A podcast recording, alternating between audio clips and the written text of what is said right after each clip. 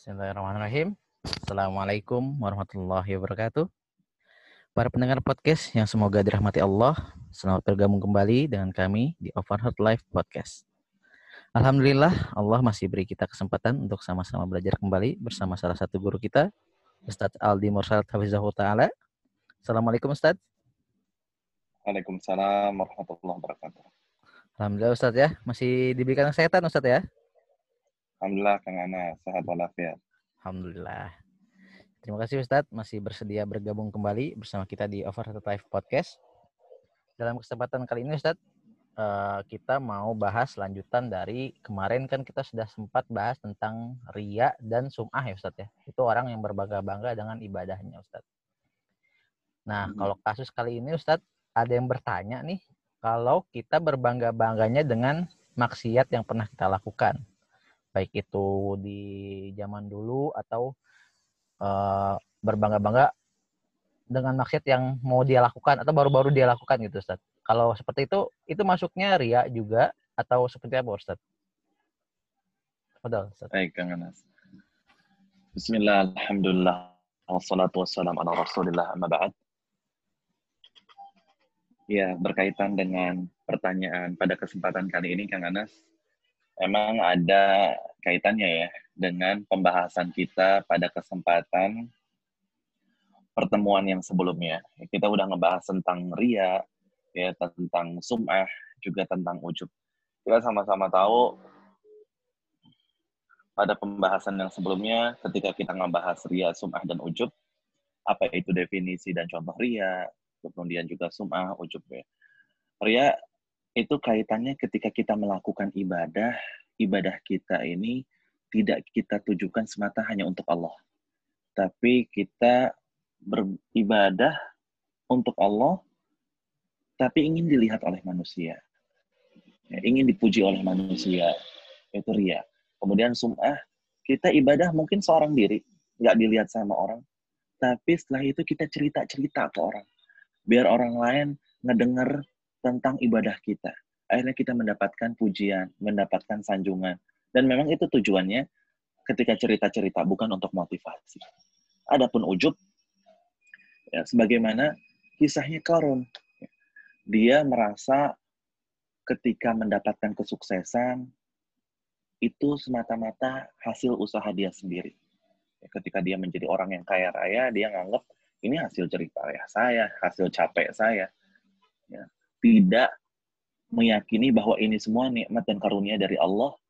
Ya, tidak mungkin dia mencapai hal tersebut kecuali dengan izin Allah. Begitu juga dengan ibadah, ketika orang bisa tahajud, sedekahnya rajin, kemudian bisa berhaji, puasanya rajin, dia ngerasa ya karena saya bisa rajin sedekah karena saya rajin untuk usaha, saya rajin bisnis saya, saya benar-benar uh, siang malam uh, cari duit sehingga saya bisa dapat banyak duit, kemudian saya bisa sedekah. Dia seolah-olah ibadah yang dia lakukan itu semua hasil jerih payah dia. Ya Allah Subhanahu wa taala tidak terlibat dalam kesuksesan dia dalam hal duniawi maupun ibadah. Itu yang kita sebut ujub ya. Nah, sekarang bagaimana kasusnya kalau dengan maksiat yang dibanggakan? Maksiat yang dibanggakan apakah disebut ria atau bukan? Maksiat yang dibanggakan itu dalam istilah syariatnya bukan disebut ria, Kang Anas, tapi disebut dengan mujaharah. Apa sih itu mujaharah? Dia berbangga-bangga dengan kemaksiatan yang dia lakukan.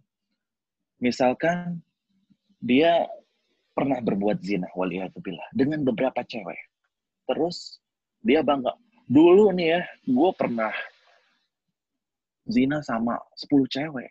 Dia bangga. Seolah-olah dia ini cowok yang bisa menaklukkan banyak cewek. Waliyahzubillah. Kemudian dia minum khamar. Misalkan ada orang minum khamar, minum minuman keras. Kemudian dia minumnya mungkin seorang diri atau berdua sama temennya. Habis itu dia posting di Instagram. Nih, lagi megang botol khamar. Dia bangga dengan maksiatnya dilihat sama orang-orang.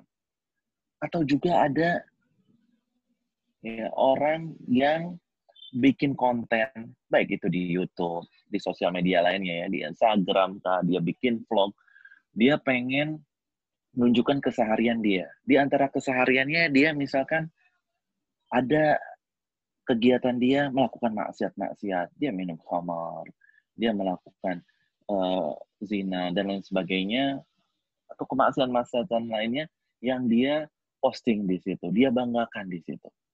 Atau ya juga ada orang misalkan bikin konten nanya sama orang, lu sama pacar lu selama pacaran udah pernah ngapain aja? Lu cerita, gue pernah kayak begini, gini, gini, gini, gue pernah gini, gini, gini, dan seterusnya. Waliyahzubillah. Dia bangga nyeritain kemaksiatan apa aja yang pernah dia lakukan. Itu disebutnya, apakah namanya tadi? Mujaharoh, Ustaz, ya? Istilahnya ya? dalam syariat. Ah istilahnya mujaharoh ya. ya. Bukan?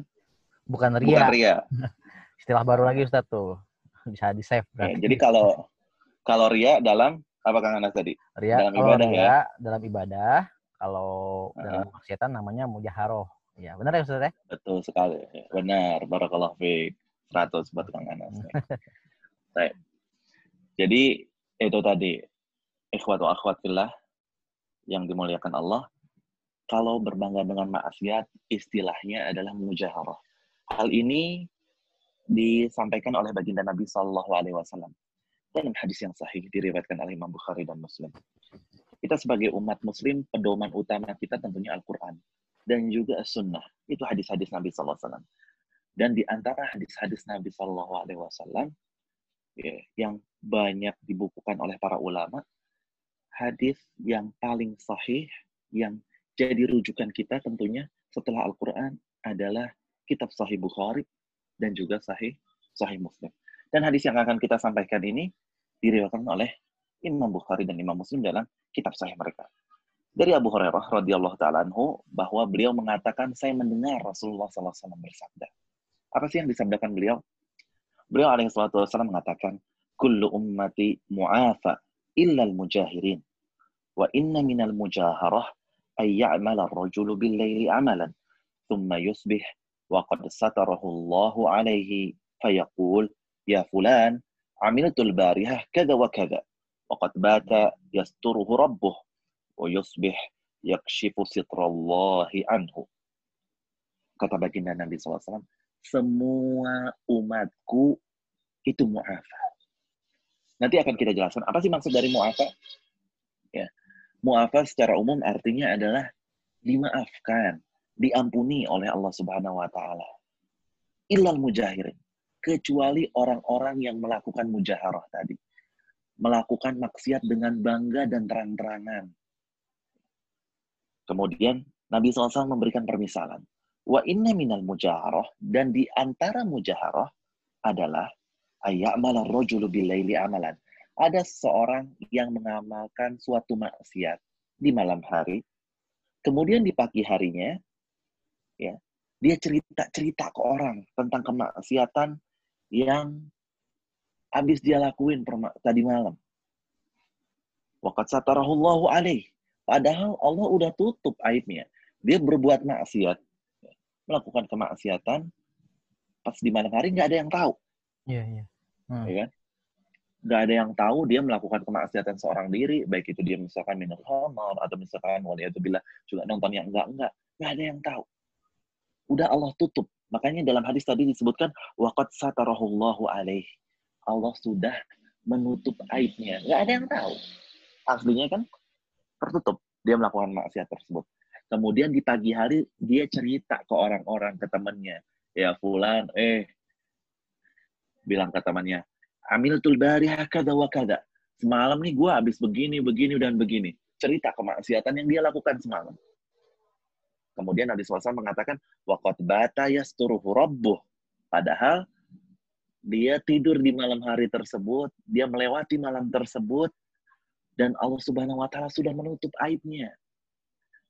Kemudian Nabi SAW mengatakan di akhir hadis, wa yusbihu yakshifu sitrallahi anhu.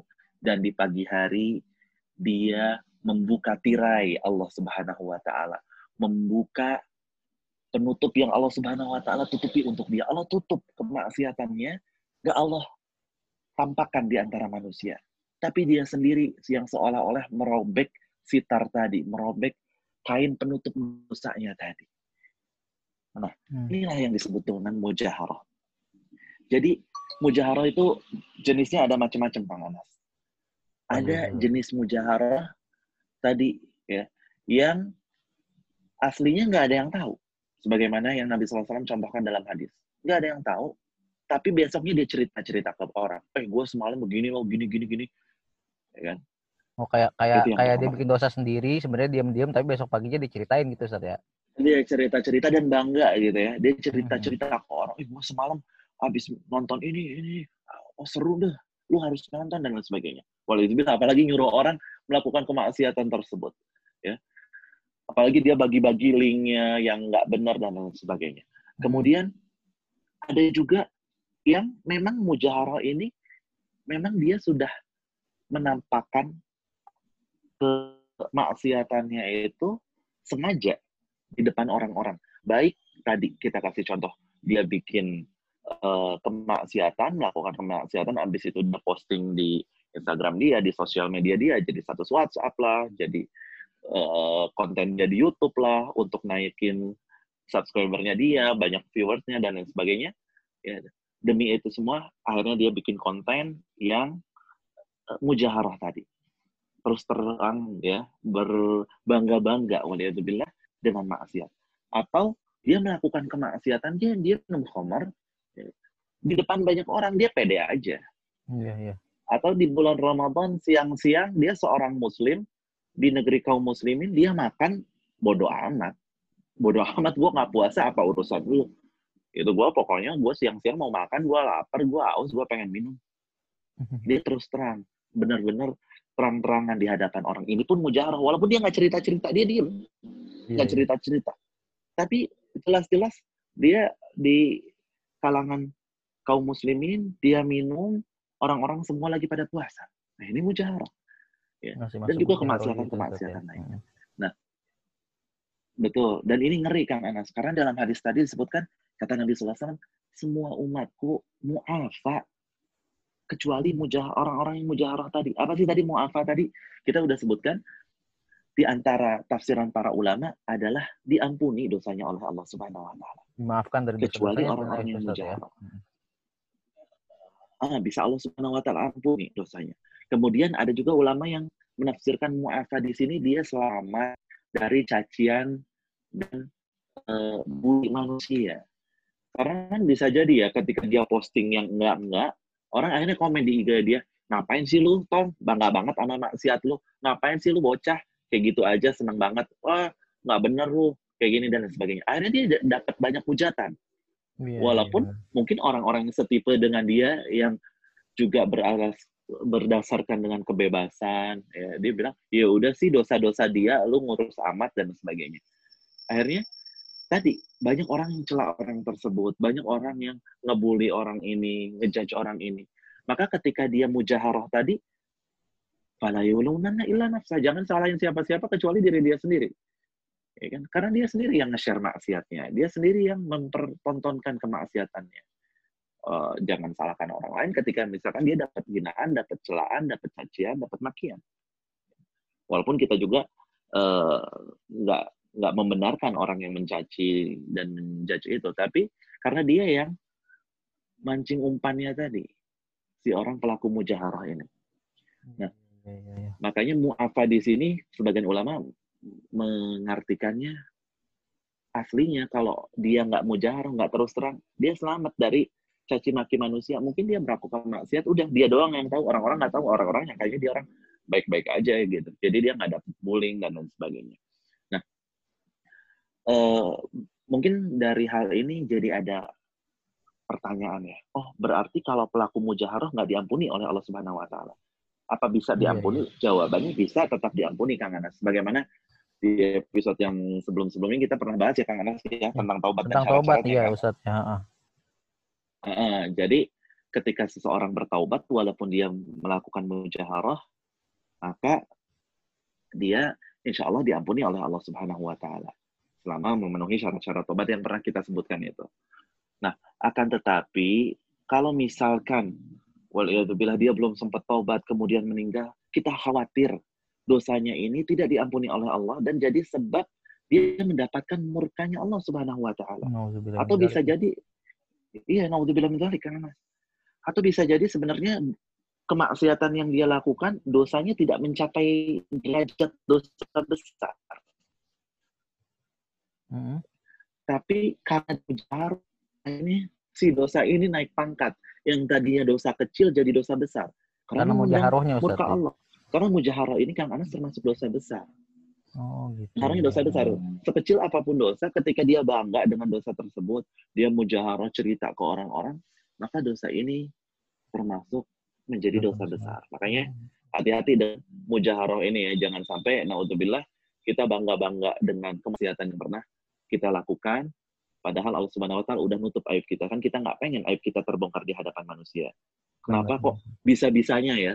Ini orang bangga, ya kan secara ya orang normal itu harusnya dia malu kalau aibnya kebongkar. Ini enggak, dia malah buka aibnya atau bahkan yang sebagaimana disebutkan tadi di hadis, udah Allah tutup aibnya tapi dia sendiri yang ngebongkar.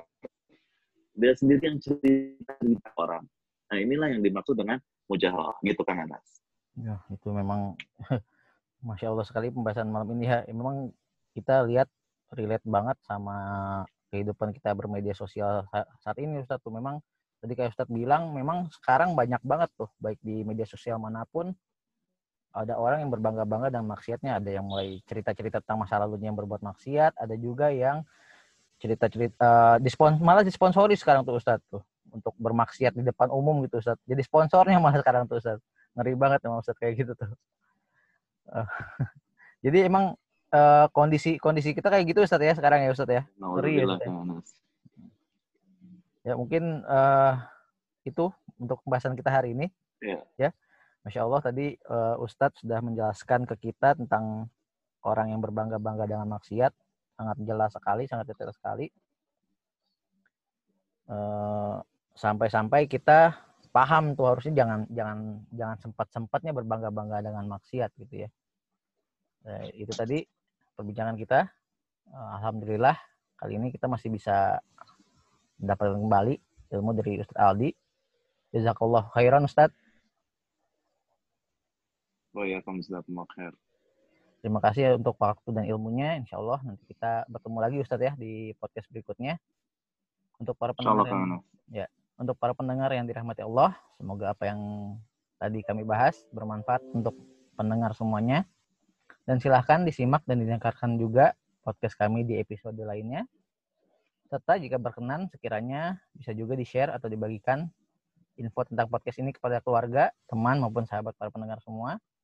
Baik secara langsung ataupun via media sosial agar, agar manfaat dari podcast ini bisa juga dirasakan oleh orang lain yang belum mendengarkan podcast ini.